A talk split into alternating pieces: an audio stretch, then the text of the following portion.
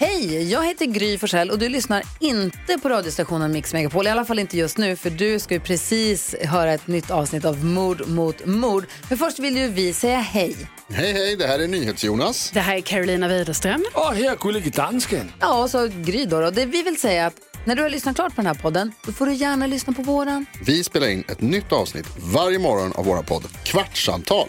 Och hela radioprogrammet blir ju också en podd om man är väldigt morgontrött eller så. Just det, om man missar morgonen ja. Men mest av allt så får du gärna lyssna på programmet i direktsändning varje morgon på Mix Megapol. Live varje morgon från klockan sex och då har vi med oss massor med vänner också. Thomas Bodström, Babben Larsson, Johan Pettersson, Christian Luuk. Massor med coola människor som bara dyker upp och gör livet bättre. Ja, som jag, Gullige Dansken. Exakt så. Och så mycket bra musik och annat skoj såklart. Så vi hörs när du vaknar på Mix Megapol. Podplay. Till slut tar de sig in i lägenheten. Där är det någonting som är annorlunda. På ett bord står en bandspelare med ett band i och någon sätter på det. Dramatiskt. På bandet hörs den eh, försvunna mannens röst som säger När du hör det här finns jag inte längre. ensamt överlevande efter en helt otroligt sorglig båtolycka? Eller är han den enda ensamt överlevande?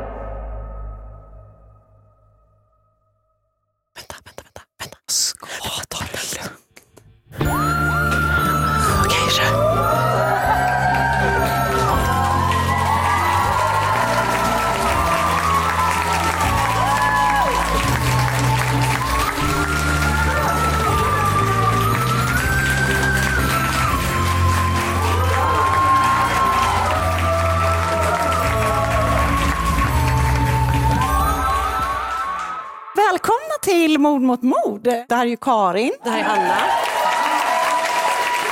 Det är ju en speciell känsla att dra upp sig själv sådär stort och sen sätta sig under. Då har man en stor personlighet.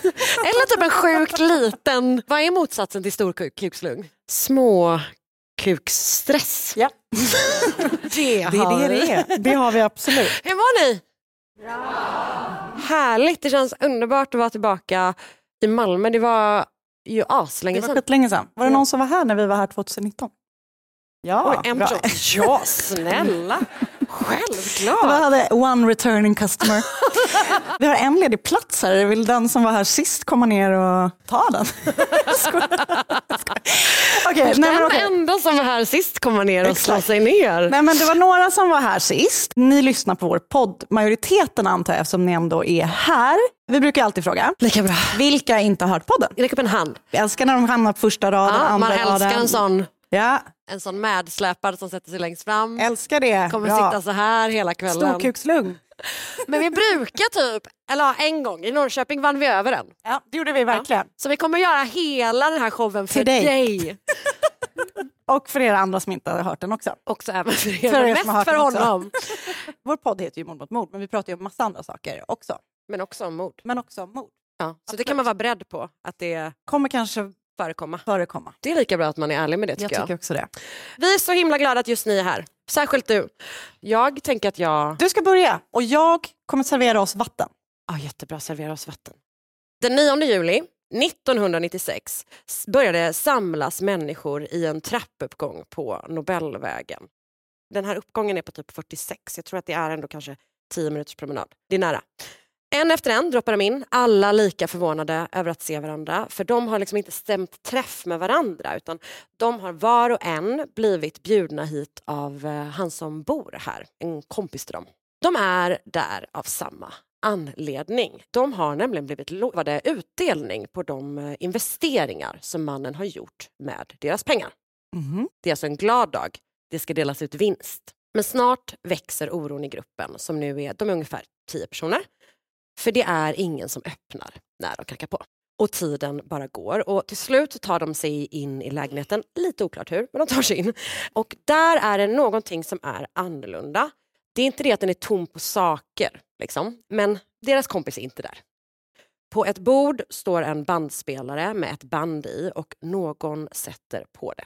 Dramatiskt. På bandet hörs den eh, försvunna mannens röst som säger När du hör det här finns jag inte längre. Va? Men det kommer att visa sig inte riktigt sant. Han är inte död. Nej. Han har åkt till Köpenhamn. Nästgårds igen. Där kommer han att gå in på den ungerska ambassaden och be om ett nytt pass för han är redo att åka till sitt hemland och överlämna sig. I Ungern är han nämligen misstänkt för att ha stulit miljoner från det ungerska simlandslaget. Idag ska jag berätta om Georgi Semplenji, den ungerska svindlaren som med ett världsvant sätt en fejkad biskopskostym och helt påhittade kopplingar till påven lurade ett helt gäng Malmöbor på ungefär 3 miljoner kronor. Är ni med mig? J- Perfekt. Georgi Semplenji föddes 1953 i Budapest och hans pappa dog redan när han var liten så han växte upp med sin mamma. Han började ganska tidigt bete sig på ett lite svajigt sätt kan man säga. Han gör väl det han vill och tar det han vill ha kan man säga. Och när han går i skolan så är det han vill ha klasskassan. Ja.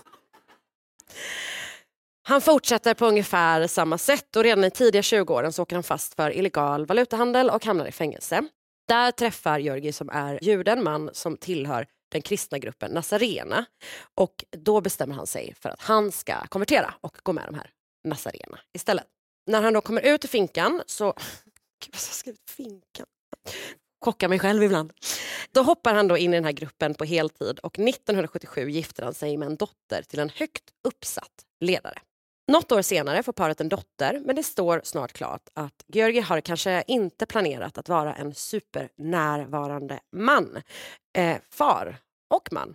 För när flickan bara är några månader gammal så drar Georgi från Ungern och med sig i resväskan har han massor av pengar han lånat av andra församlingsmedlemmar. Okej. Då sticker han iväg. Och som han sticker. Han reser runt i världen. Han är i USA, Kanada, Australien, Israel och det går liksom bra för honom. Han får pengar, mycket pengar. Var? Vad sa du? Andra människor. Lite oklart vad som händer under de här åren faktiskt. Okej. Men han får pengar, mycket pengar. Han får connections, Mm. han får status, han skaffar sig någon slags betjänt. Då vet man. Mm, verkligen. Som han kan liksom kalla på sen oavsett var i världen han befinner sig. Alltså den här... De har så koko! Då kommer den där koko! Precis så faktiskt. Ja. Som sprider sig över jord, jordklotet. Så han bara liksom ringer honom och är så här, "Ha- här är en flygbiljett, typ. nu är jag här, kom hit och var min betjänt. Typ. Och han åker med. Liksom. Okej. Det känns både som ett soft och osoft liv på något sätt. Georgi ska säga, han pratar ungefär nio språk. Oj. Så han är väldigt, väldigt språkbegåvad. Och han skaffar sig vänner över hela världen. Men på något sätt så det är kanske lite så att han har någon slags tanke om att go straight, lite oklart. Efter några år då på flykt så börjar han betala tillbaka sina skulder i Ungern och återvänder då till slut till hemlandet, återförenas med sin dotter och bosätter sig i Budapest. Där blir han snart ett uppskattat ansikte och någon slags karaktär liksom, i nattlivet. Mhm. Vilket är typ min favorittyp av person. Bara någon som bara är en, i nattlivet. Han har bland annat en egen krogshow. Det är en dröm. Ungerns Orup. nu börjar det i alla fall bli riktigt intressant. För nu dyker Georgi också upp i en helt ny, spännande, lite oväntad roll. För vid sidan av den här krogshowskingen han är då, så är han plötsligt resebokare, lagledare, ordförande och tränare för det ungerska landslaget i simning. Hur kom man i kontakt med dem? Verkar som att han börjar med att ge sig in i fotbollen. Ja. Det var större konkurrens där eller? Men han börjar typ ganska smått och sen så liksom jobbar han Ja. sig uppåt och är typ så här... Bara en och ungerska simlandslaget är toppen av Toppen, toppen kronan. Det är inte bara det att han, han saknar absolut helt och hållet erfarenhet. av simning. Alltså han kan inte simma. Nej. Stor kuks lugn. han är bara... Han är liksom... Alltså han gör sin Han, grej. bara, ja, alltså bara. han tror så mycket på sig själv. Ja, exakt. Och han vet också hur man behandlar människor. Och under hans vaksamma öga så lever de ungerska simmarna ett drömliv. Alltså de så här, åker plötsligt på träningsläger till så superexotiska platser. Och när laget reser då till Barcelona i OS, ja han är alltså lagledare för deras OS-simlandslag. Det är OS 92 då. Då bor de inte i OS-byn som de alla andra atleter utan de bor på ett femstjärnigt hotell. Såklart de gör. Och någonting gör han rätt för det går jättebra för landslaget. De tar hem fem guld, tre silver och ett brons. Ungern verkar inte nödvändigtvis vara en väldigt stor simnation utan det här är liksom Hans verk. Ja, när laget reser hem så är det inte bara beundrande fans som väntar på dem på flygplatsen. Hä? Där väntar också polisen. Ett poddtips från Podplay. I fallen jag aldrig glömmer djupdyker Hasse Aro i arbetet bakom några av Sveriges mest uppseendeväckande brottsutredningar. Går vi in med hemlig telefonavlyssning och, och då upplever vi att vi får en total förändring av hans beteende. Vad är det som händer nu? Vem är det som läcker? Och så säger han att jag är kriminell, jag har varit kriminell i hela mitt liv men att mörda ett barn, där går min gräns. Nya säsongen av Fallen jag aldrig glömmer på Podplay.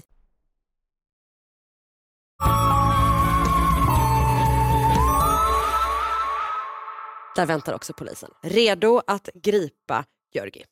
För han har nämligen använt sin roll i simningen för att ta lån om drygt, i dagens värde, 15 miljoner kronor. Han har också stulit från landslaget. Ja. Så liksom OS-kassan och sponspengar har Att simlandslagen är så rika.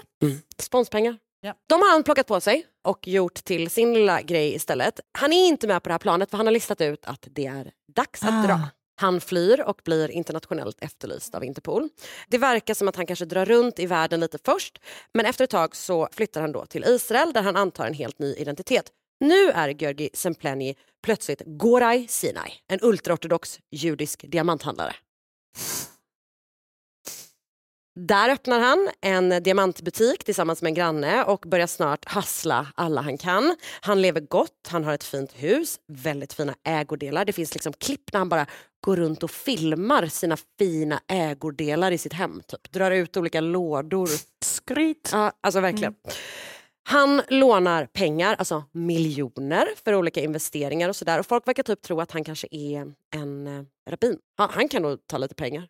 Tänker de. han har förstås då såklart ingen tanke på att betala tillbaka de här pengarna. Men det är liksom inte det enda han gör, alltså att han bara gör sina lån. För det som händer då är att en dag när Georgis kompanjon kommer till affären så inser han att något har hänt där det tidigare legat diamanter Nej, han har tagit allt. ligger i glasbitar. Nej, Jo. Han bara plockat på sig. Jag tycker ändå det är något roligt med att lägga tillbaka en bit glas. som att diamanthandlarna bara, där är de, alla mina diamanter. Han har alltså stulit då till ett helt sinnessjukt värde och det är sjukt svårt att veta hur stora de här summorna är för i, jag har läst olika källor som där värdet sträcker sig från typ så 25 miljoner kronor till 25 miljoner dollar. Ja. Det är, men oavsett, svin Ja. mycket pengar. Sen har han lämnat landet och hack i häl så finns några före detta militärer som Georgi bestulit och även en privatdetektiv då som en person har anlitat. Men han hade inte stulit från privatdetektiv. Nej, han är, nej. han är anlitad. Jag tror aldrig de hade träffats, annars hade han absolut stulit från honom. de här liksom före detta militärerna och privatdetektiven, de börjar jaga honom när han är på flykt från land till land, kontinent till kontinent. Men trots då att han jagas av det här gänget så kommer han undan ännu en gång. Nästa gång Georgi dyker upp igen är han alltså i er stad. Han är inte längre ultraortodox jude. Han är numera ärkebiskop. Det är verkligen, alltså, Nej, men alltså jag har inte ens sagt vad han kallar sig. nej. Macdulio Roy, men han kallas för Fader Mac. Åh gud. Macdulio Roy. Han har då alltså bytt sitt glamorösa boende i Israel mot en tvåa på Novellvägen 46. Och han kommer snart slå ner som en bomb i Malmös social scene. Det är 1996, eller kanske 95, lite oklart, som den här eh, figuren då plötsligt börjar dyka upp på restauranger och tillställningar runt om i Malmö och skärmar alla runt omkring honom. Han har massor av pengar. Han är världsvan och det är ju inte så konstigt. Han är ju utsänd av Vatikanen. Ja. Han har liksom direkta kopplingar till påven himself. Han är supergenerös, rolig, karismatisk. Han bjuder på champagne, trerättersmiddagar, efterfester, håller hov under en storslagen födelsedagsmiddag på gamla Casamia på Södergatan. Stängde tydligen ganska nyss. Någon som har varit? Ja. Var det gott? Första dejten. Första dejten med din man. Berätta vad ni åt. Så ska jag se om det stod på menyn även denna kväll. De flamberade saker vid bordet när de var där så att de verkar ha gett dem lite mer special treatment. Eh, och folk är liksom superimponerade av det här såklart och i dokumentären Bedragaren som handlar om det här som jag verkligen kan rekommendera för den är toppen så är det en person som blir intervjuad som var med då som säger att det inte var några pisseviner direkt. Nej. Jag kommer inte göra skånskan, för han kommer hata det. Fader Mac Mm. Stöttar sina nya vänner i det de tar sig för. I en text av Henrik Högström i tidningen Brott så berättar konstnären Ronny Hård om när han och hans fru hade en utställning på Lilla Torg och Fader Mac dök upp i limousin. Ooh, då vet man att det är en lyckad person tycker jag. Alltså När de åker limousin. Och så har han med sig en gigantisk plånbok. Han shoppar två verk och beställer att få dem levererade till lägenheten på Nobelvägen. Ni skrattar så mycket. Vad är Nobelvägen Jag för tycker, typ bara, jag tycker att det är sjukt kul att det är Nobel. Jag vet inte varför. Min kusin bor vid Nobeltorget. Så jag har liksom varit där. Ja. Jag tycker bara att det är härligt. Typ. Mm. Jag blir glad av att det finns en tydlig adress. Jag tycker att det känns Ja, härligt ja, ja, att liksom knyta det tydligt till staden. Han håller sig också aktiv under sin tid i Malmö på andra sätt. Utöver hans stora sociala liv så går han kurser. Bland annat så går han i simskola. Ah! Han dyker upp på dåvarande Aquakul. Sinnessjukt att de bytte namn på det. Simhallsbadet heter det nu va? Man har guld i Aquakul. Nej, verkligen. Simhallsbadet. Ja. Sidospår. Det pratar vi Men mer om. viktigt sidospår. Verkligen. verkligen. Fader Mac förtrollar alla i sin omgivning. Allt han gör är kanske inte 100% som att han är Guds bästa barn, vilket han ju låtsas vara. Ja. Han spelar till exempel skitmycket på hästar och även andra spel. Gärna i en tobaksaffär. Också den ligger på Nobelvägen. Korsningen Amiralsgatan. Han spelar ofta på krita för enorma summor. Vad sjukt. Han blir allt mer etablerad i Malmö, får fler vänner, närmare vänner. Han börjar viga folk, olika par i Malmö. Han håller långa tal om Jesus som folk kanske visserligen inte riktigt förstår. Men det är väl kanske typ bara så det är när man är ärkebiskop, tänker jag. Han säger dock att han är i Malmö på hemligt uppdrag. För Vatikanstaten. Så därför kan han inte signa några dokument, alltså för äktenskapen. Så säger han då till dem att här, ni får ju gifta er igen sen då. Så lurigt Ja, alltså. verkligen. Det är både väldigt lurigt och väldigt olurigt. och det är då som sagt tydligt att han har riktigt mycket pengar och snart ger han dem han möter i Malmö möjligheten att också tjäna riktigt mycket pengar. Han berättar att han handlar med konst åt Vatikanen och det gör att han kan investera även andras pengar och jättesnabbt få väldigt bra avkastning. Så ger man cash till fader Macdulio så kan han ibland alltså typ dubbla värdet på Jaha. några veckor. Det gör att människor runt honom satsar allt mer. Det börjar ändå knorra lite grann. Folk är så här, fan är det något konstigt? kan det vara något konstigt med det här? Mm. Är det verkligen så att han säger att han är den han är? Och hur ligger det till med alla de här pengarna han har lånat ut? Precis när folk är så här, Åh, vad är det som händer? Typ, vem är den här personen?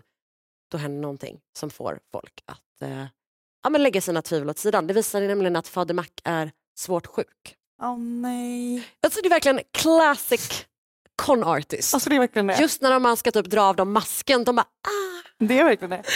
Det ska man ju komma ihåg. Mm. I jobbsituationer och Ja, så. precis när de blir sjuka, då är då man blir ännu jävligare. Jag menar mer att man ska spela sjuk när någon Ja, vill att man okej, ska göra något på jobbet. Men din grej med. Ja, men kommer du ihåg när vi gjorde Malmö sist live med Carmen Zita Rockefeller? En annan legendarisk bedragare som har dratt blev runt ju här. blind. Hon blev blind. Blev blind. Men hon opererade väl sin cancer själv med? Något sånt. Ja. Det gör inte han. Nej, okej. Men han har cancer, svårt sjuk, obotligt sjuk. Han kommer dö snart och han börjar då testamentera sina ägodelar till sina närmaste Ja. Malmövänner. Ja. Det verkar som att han typ testamenterar, liksom, alltså så här, du kommer ärva allt mitt, så säger han. Det är inte bara, du får mina, min hatt. Nej. Vilket man ju gärna hade tagit emot faktiskt. Utan det är liksom, du kommer få allting, säger han till många olika personer. Mm. Och han säger också då till alla att de inte får berätta för någon annan att just de ska ärva honom. Också väldigt, väldigt smart. Ja, det kommer ju senare komma fram då att det finns ett helt gäng Roy-arvingar. Men självklart ger han dem dokument Mm. som ska stärka det här då. Och de är stämplade med ett personligt sigill från Vatikanen. Nej. Här känner jag att man kan vara hur säker som Mm. helst. För när han lämnar över dokumentet så säger han jag tar ansvar för detta avtal i Jesu Kristi namn, amen. Den 9 juli 1996, han har nog varit i Malmö ungefär ett år, Mm. typ. Tror jag. Då kallar han då sina närmaste vänner till sig för att ge dem utdelning på sina lån. Och bara då för att när de kommer dit då så hör de honom istället påstå på det här bandet att han är död. Liksom. Men, Men varför? Varför inte bara gå upp i rök som man har gjort på de andra ställena? han försöker väl cover his tracks, tänker jag. Ja, du tänker så. Han säger uttryckligen på bandet typ bara, leta inte efter mig. Man gillar ju att ta instruktioner. Ja. Man bara, okej. Nej, men Han säger bland annat på det här bandet, jag har vilselett så många jag har kunnat, jag har inte dåligt samvete gentemot någon. Men han erkänner där liksom att han har lurat dem. Det, det här är lite snurrigt, men det här bandet riktar sig till den här betjänten som också har kommit till Malmö. Nog bor i Malmö från början, så att han är som att han liksom kanske erkänner lite för honom. Ja, okej. Men istället så dyker den här lurade gruppen upp Ja, och lyssnar. okej. Han ska också ha sagt att ehm, det här är en så bra lösning. Jag skulle ännu en gång vilja betona att de skulder jag har i tobaksaffären och på ett par andra ställen, på dem saknas papper. Den som har papper har det från en person som inte existerar. Den person som de tror att jag är existerar ju inte. Alltså, Mastermind. Verkligen. Det är både jättesmart och jättedumt på en och samma gång. För på något sätt är det ju sant. Ja. Fader Macdulio Roy, hör och häpna, existerar inte. Och det listar polisen ut på ett av mina favoritsätt som polisen gör. Ni vet när de eh, tar eh, papper från en dokumentförstörare och sen måste klistra ihop Nej. det. Det är liksom pyssligaste. Ja, han har liksom eh, shreddat väldigt mycket bevis där då. Man skulle ju bli misstänksam om man jobbar i butik när någon kommer in i den outfiten och bara ge mig den mest effektiva dokumentförstöraren ni har. Tack. då vet man, då ringer man polisen. Det är verkligen sant. Ja, men så de liksom pusslar ihop de här bitarna och kommer då fram till att han är den här liksom Georgi Semplenji. I sin roll som fader Mac så har han lurat någonstans, det verkar vara mellan typ 10 och 20 privatpersoner på drygt 2 miljoner kronor. Storleken på de här lånen eller investeringarna man ska säga, sträcker sig på mellan 8 500 kronor och 300 000 kronor. Dessutom har han då också handlat jättemycket på krita och på tobaksaffären så har han spelskulder på drygt en halv miljon. Och jäklar. På en tv-affär har han också jättestora skulder. Kanske där kan de sälja dokumentförstörare? Antar det. Teknik. Teknik! Teknik som teknik. Men annars tänker jag att det är kul för hur, mycket, hur många tv-apparater kan man behöva i en två? Vet du vad en Bang Olufsson kostade på Det är 90-talet? verkligen sant. Surround sound. Verkligen. Allt som allt har då Georgis offer i Malmö blåst på typ 3 miljoner kronor och i lägenheten så finns det konst, möbler och typ andra grejer Bang Olufsson-tvn kanske då, till ett värde om 177 000 kronor. Försäljningen av dem genererar liksom de enda pengarna som det verkar som att offren har fått tillbaka. Ja. Men hans skulder i Sverige är ju då ingenting jämfört med hans skulder i Ungern. Och de är ju ingenting jämfört med hans skulder i Israel. Men hur som helst så blir det i hemlandet som han då åtalas för sina brott. Två dagar efter det här mötet i trappuppgången så grips Georgi, nu 43 år gammal, på Budapests flygplats. Men så han åker på riktigt hem för att överlämna sig? Ja. Då känns det väldigt onödigt att han var tvungen att låtsas som att han inte... Men han känner sig klar då? Mm, I guess. Var ska han... Vad ska han göra nu? Vad finns det för fler religioner? Det finns ju Ja, det många är liksom, eh, grenar man kan jobba i. Ja, det är verkligen sant. Han hade kunnat köra på längre. Men det är ju bra att han åker fast tycker Ja, jag. absolut, absolut. Det har gått fyra år efter framgångarna på OS i Barcelona. Nu grips han på flygplatsen. Han är så effektiv på något vis. Det går så snabbt det han gör. Så han får gjort så mycket i sitt liv. Han är som du Karin. Stressad på Folk på, tåget. folk på tåget. nu tycker jag att du borde andas lite grann. Georgi Fadermack. Den ungerska polisen, alltså han är så manipulerande att de liksom inför en regel att man får bara vara med honom så här korta perioder, typ varannan dag. Han är som Hannibal Lecter. Typ. Verkligen. Vad sjukt! Men han blir då någon slags kändis i Ungern. Eller han har varit lite grann kändis redan innan då.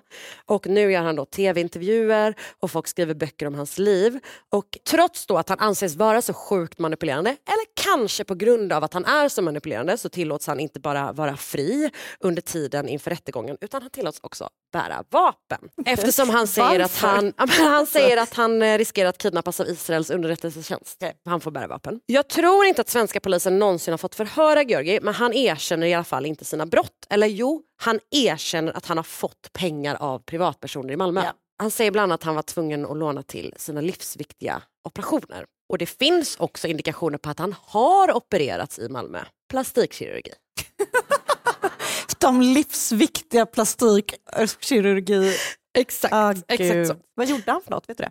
Fettsugning. Jag vet det för att det är några av de här stackarna som han lurade av pengar som fick köra honom till sjukhuset och hämta honom. Sånt. Vilket känns som man bara, nu gick du för långt. Där drar du din gräns. Verkligen. Den ungerska polisen är i alla fall i Malmö och pratar med de svenska utredarna och med sig tillbaka så får de en hel del bevismaterial, bland annat en biskopsdräkt, en skål till vigvatten och oblater. Man bara, vad ska ni göra med dem? Det är bara snacks på flyget hem. En snygg skål och... Eh, 1997 så inleds rättegången mot Georgi Semplenji under vilken en rättsmedicinsk expert menar att han har en personlighetsstörning och menar att, eh, att han helt enkelt inte känner någon skuld. Nej. Simple as. Han dömdes till fyra års fängelse men överklagade och släpptes fri i väntan på en ny rättegång. Den skulle dock aldrig äga rum eftersom den 29 ja- januari 1999 så dör då Georgi Semplenji i en hjärtattack. Påstås det. ah. Ryktena går då om att han lever än idag och som sagt 2008 då så kommer den här dokumentärfilmen Bedragaren av Åsa Blank och Johan Palmgren. Den är toppen. Och när filmskaparna åker till kyrkogården där Georgi ska ligga begravd är hans grav inplastad. Okej. När de tar av plasten så står bara hans föräldrars namn på gravstenen. Ingen vet varför. Har hans namn aldrig stått där då? Eller det kan Nej, inte jag vara... har inte varit där nu. Liksom. Det är inte... Som budget har vi inte att jag kan åka på reportageresor till Ungern hur som helst. Men det finns också vittnen här i Malmö som säger sig ha sett honom långt efter hans liksom, påstådda död. Mm. Bland annat ska han i början av 2000-talet ha setts spatsera över Möllevångstorget. Everybody! Karin Londré!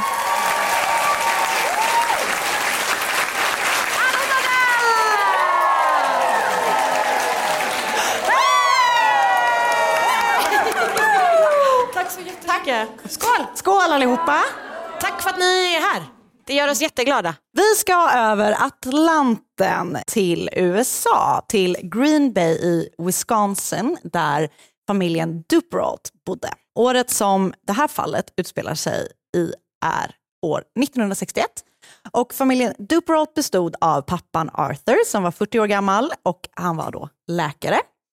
Och mamman Jean som var 38 år gammal och som jag förstår det var då hemmafru. Och sen tre barnen Brian, 14 år, Terry Joe, 11 och sen minstingen Renee som var 7 år gammal.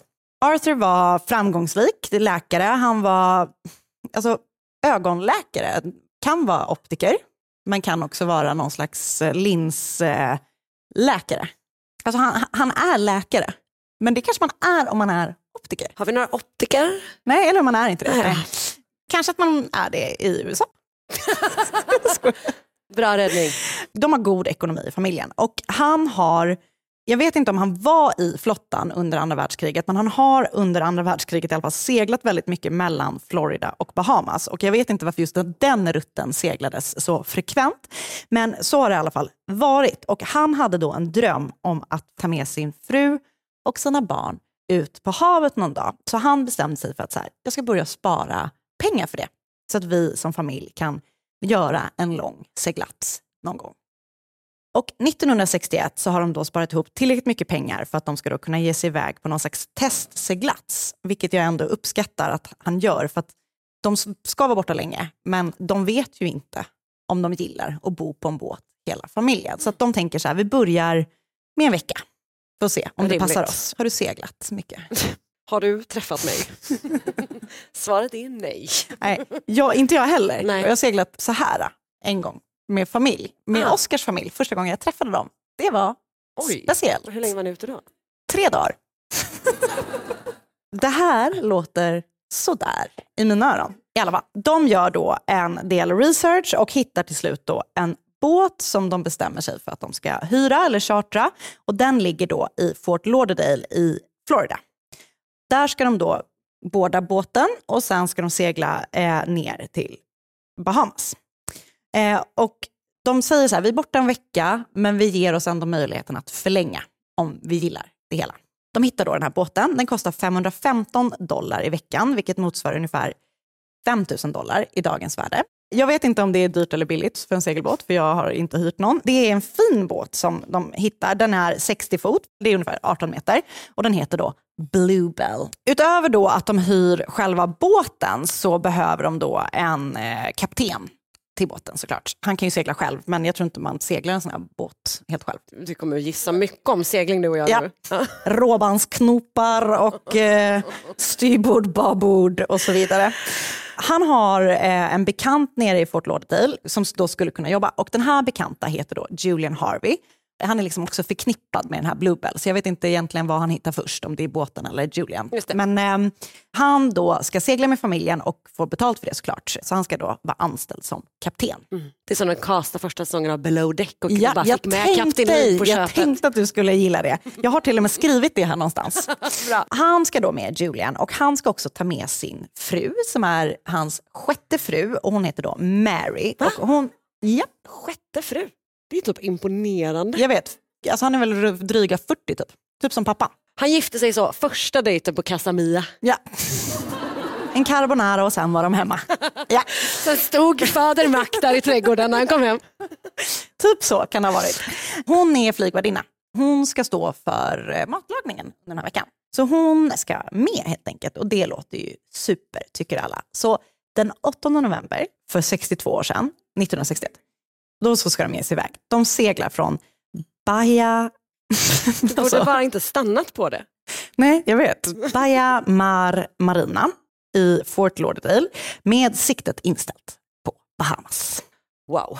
Ett äventyr ändå. Det är verkligen, alla är liksom väldigt taggade på det här.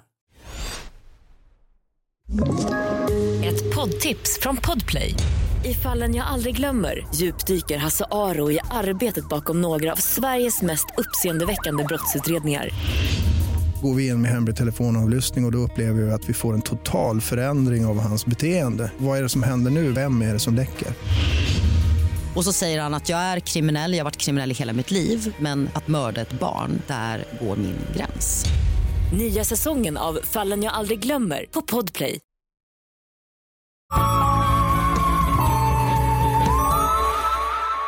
De åker runt på olika ställen i Bahamas, de kliver i land, turistar lite, köper med sig souvenirer, gör vattenaktiviteter från båten.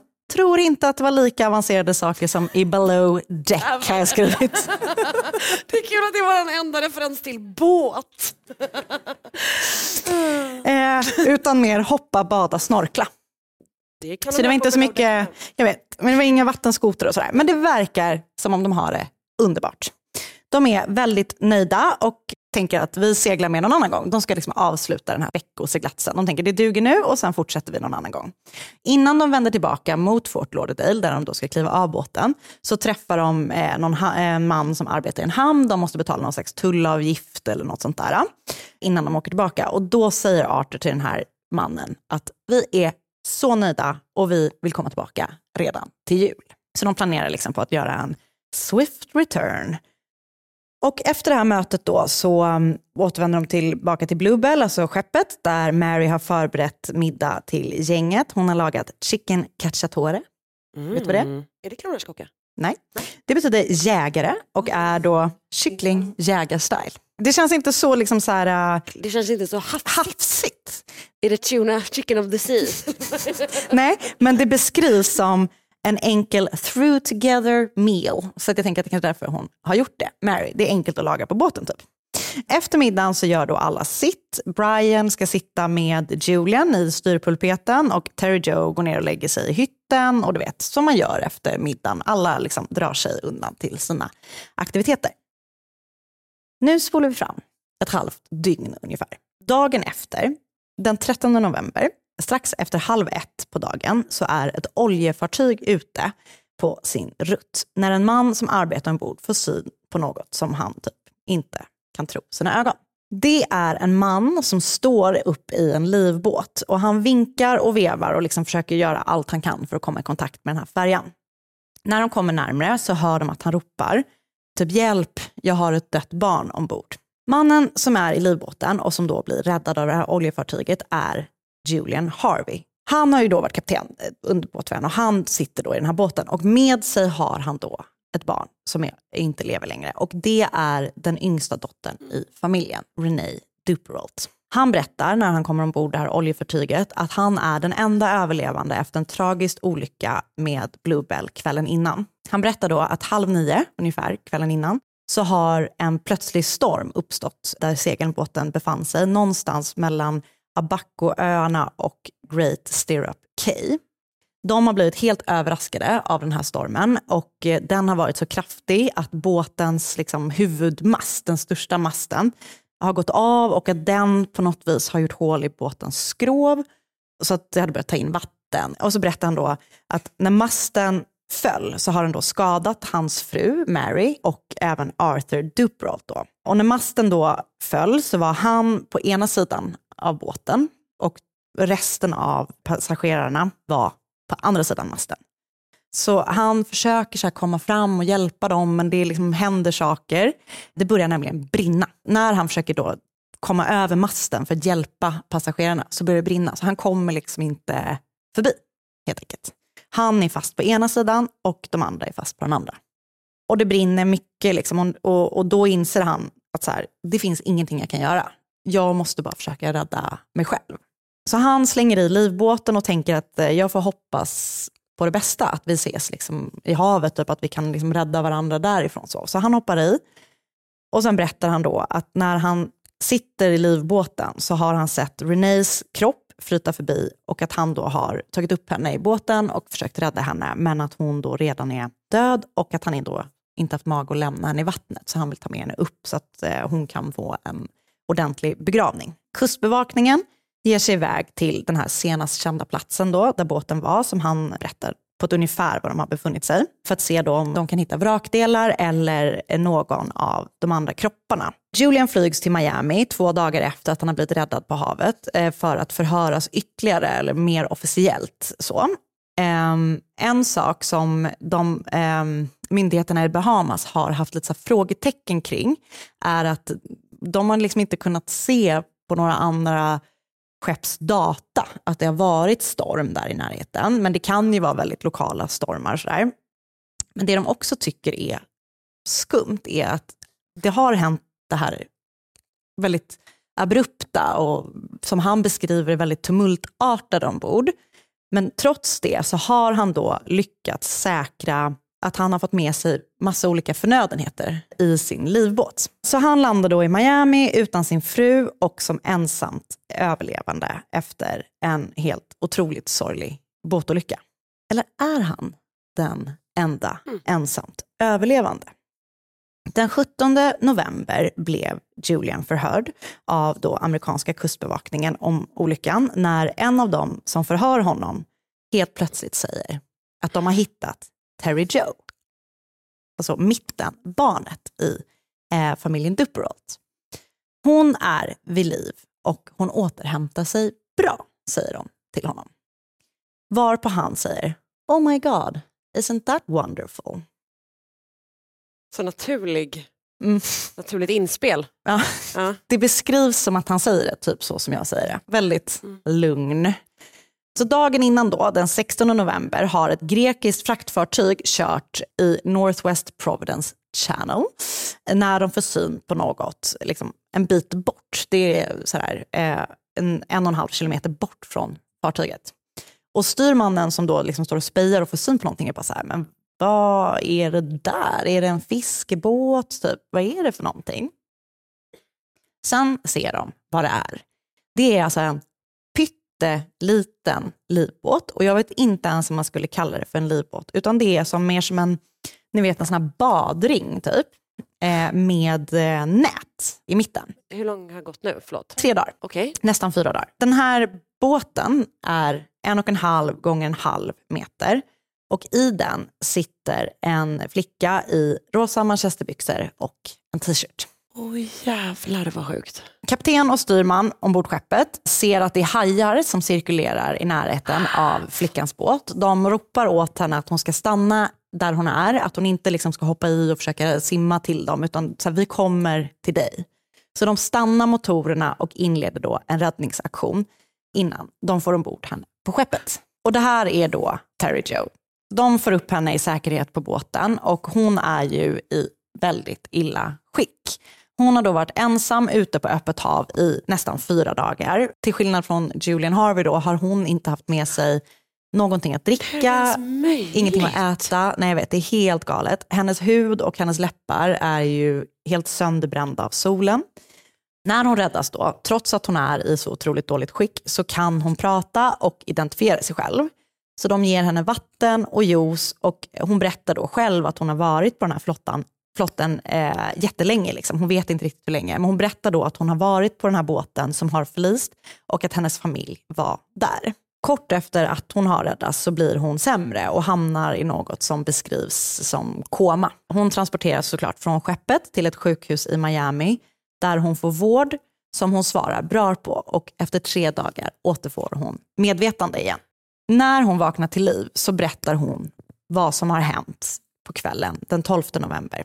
Efter att de ätit middag då, hela gänget, så har hon gått ner till sin hytt eh, medan hennes familj och Julian och Mary har varit kvar uppe på däck.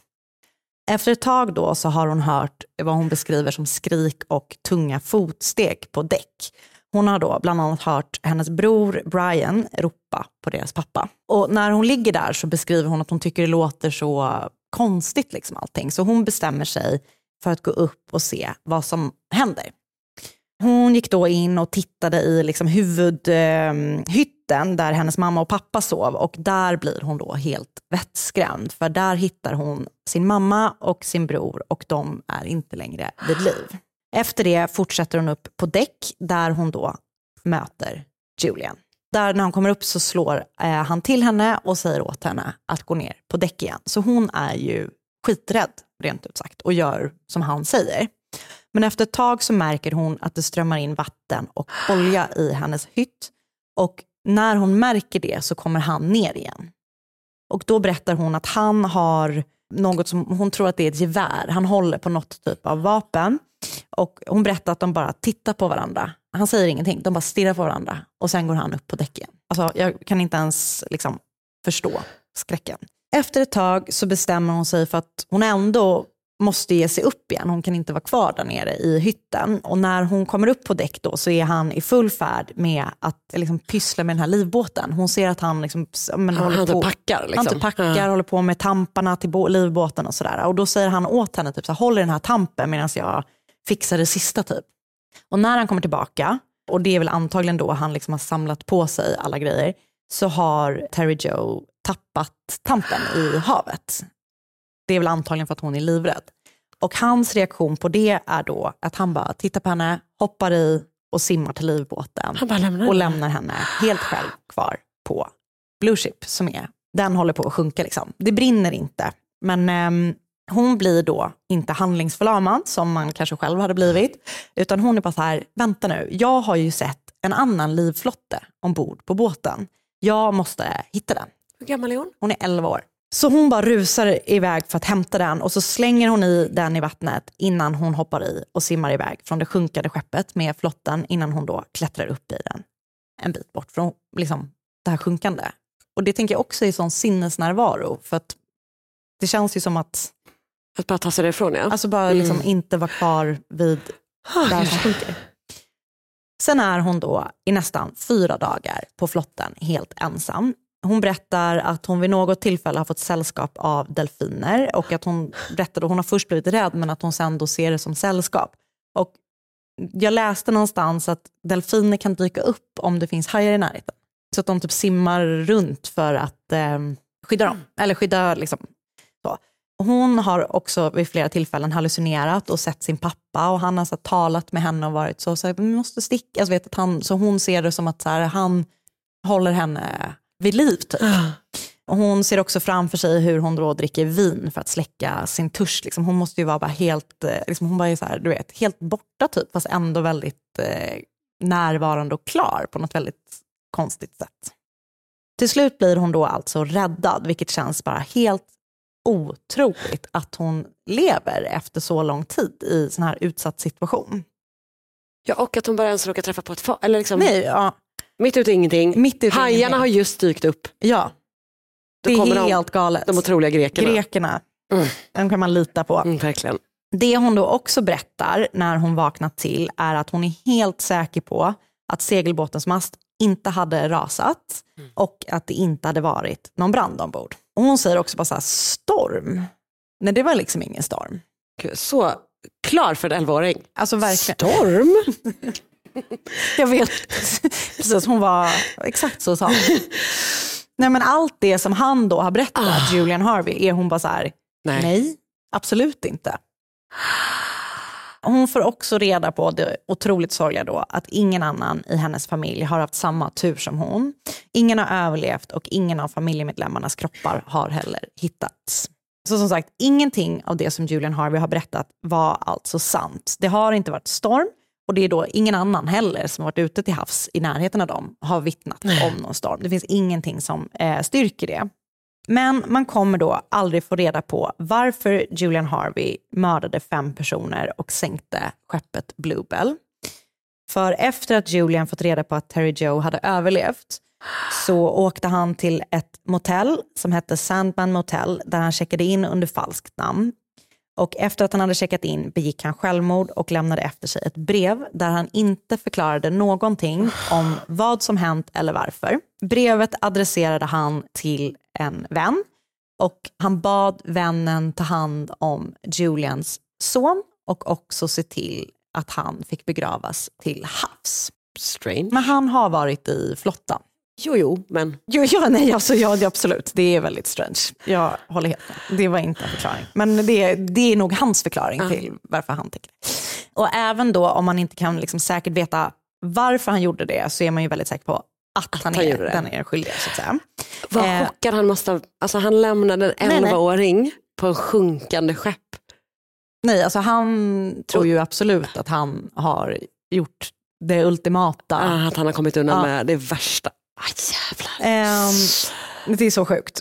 Och den mest liksom, troliga teorin ansågs vara då att Julian var väldigt, väldigt skuldsatt. Han hade haft problem med att behålla sina jobb och hade liksom dålig ekonomi. Och kort innan olyckan och precis efter att han gift sig med Mary, alltså han har precis träffat henne och gift sig med henne i juli 1961 och det här är i november 1961. Kanske hade hans, hade hans ekonomi varit bättre om han inte var inne på sin sjätte fru. Jag vet inte. Kan vara. Precis efter att han har gift sig med henne så tecknar de Ah. en livförsäkring för henne då. Så om hon gick bort så skulle han få en ganska liksom stor summa pengar. Och om hon gick bort i en olycka så skulle den här summan bli den dubbla. Så han har ju då liksom ett... Ingen får någonsin, Men jag tror inte Teckna. att man kan teckna på någon annan. Alltså det verkar ju helt galet. förr i tiden var det typ att, man kunde ha, att det fanns sådana automater på flygplatser. Ja. Så bara, nu sticker vi! Har du Ehm, försökt eller varför vet du att man inte kan? Inför den här turnén på mig. Jag skulle vilja teckna en stor livförsäkring på Karin Londré. Nej, men ja, det, det kanske man inte kunde här heller, de kanske gjorde det ihop. Men jag tycker ändå Ja. liksom, Nej, men, och det känns det som att, beskrivs som att han är liksom men så är det ju i, i liksom fall efter fall i Ja. typ USA åtminstone. Ja. Att det är så Helt att man bara, galet. Det är den här grejen att man blir så glad när någon bara tar tag i saker. Att man bara, åh vad bra att du har fixat försäkring. Ja. Så tänker man inte, men varför? Det är kanske exakt så. Det är därför man ska vara ansvarig för försäkringar, Försäkringar. hemma. Nej, men så han har då väldigt tydligt motiv till att mörda då hans fru Mary.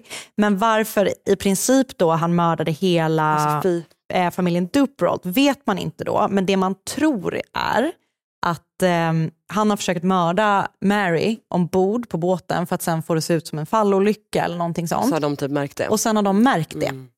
Så att han då inser att så här, jag måste, jag måste liksom mörda allihopa och få det att se ut som en hemsk olycka. Efter eh, olyckan så flyttade Terry Joe till Dapair. Det lät så mycket som typ en ny Dabas. sentida Dabas. Jag tänkte på Dabas. Du vet, det bara, mm. Hon flyttade till Dapair i Wisconsin där hon bodde med sin faster och kusiner och sin farmor. Hon bytte så småningom namn till Teray och det dröjde väldigt, väldigt länge, länge innan hon ville prata om någonting som har hänt. Och det verkar också som att hon fick otroligt lite liksom, hjälp att så här, bearbeta det och liksom, eh, krishantera helt enkelt. 2010 släppte Teray Joe Duperold Fassbender en bok. Det är inte, hon är inte gift med den. inte den Fassbender. Nej, jag För förstår. det är Alicia Vikander. väl? Jag vet inte, är hon det? Hon släppte en bok om den här fruktansvärda händelsen som heter Alone Orphaned at Sea. Och hon säger själv att hon absolut vill se sig själv som ett, en överlevare och inte som ett offer. Och om hon kan hjälpa någon att komma över sina trauman så är hon liksom nöjd med det, med den här boken. Hon lever idag i en annan stad i Wisconsin. Nästgårds. Nästgårds till From the Da pair. Pair med då sin man Ron Fassbender. De har eh, tre barn och fem barnbarn gemensamt men inte tillsammans om ni förstår vad jag menar. Typ att jag både gör och inte gör. De har varit gifta innan. Ah, jag och- okej. okej, mm. En glad bonusfamilj. Och de lever ett gott pensionärsliv i lugnan ro. Ah, vilken jävla eh, historia. den otroliga berättelsen om Terry Joe och det hemska, hemska liksom, morden på familjen Duperolt, delar av och också Mary såklart. Alltså vilken jävla historia. Just den här bilden att hon sit- när man ser hur liten den här Nej, nej. flotten Och där är har hon varit. i dagar. Tack snälla du Anna Sandell. Tack! Tack så jättemycket för att ni kom. Och skål! Podplay, en del av Power Media. Poddtips från Podplay. I fallen jag aldrig glömmer djupdyker Hasse Aro i arbetet bakom några av Sveriges mest uppseendeväckande brottsutredningar. Går vi in med hemlig telefonavlyssning och, och då upplever vi att vi får en total förändring av hans beteende. Vad är det som händer nu? Vem är det som läcker? Och så säger han att jag är kriminell, jag har varit kriminell i hela mitt liv men att mörda ett barn, där går min gräns. Nya säsongen av Fallen jag aldrig glömmer på Podplay.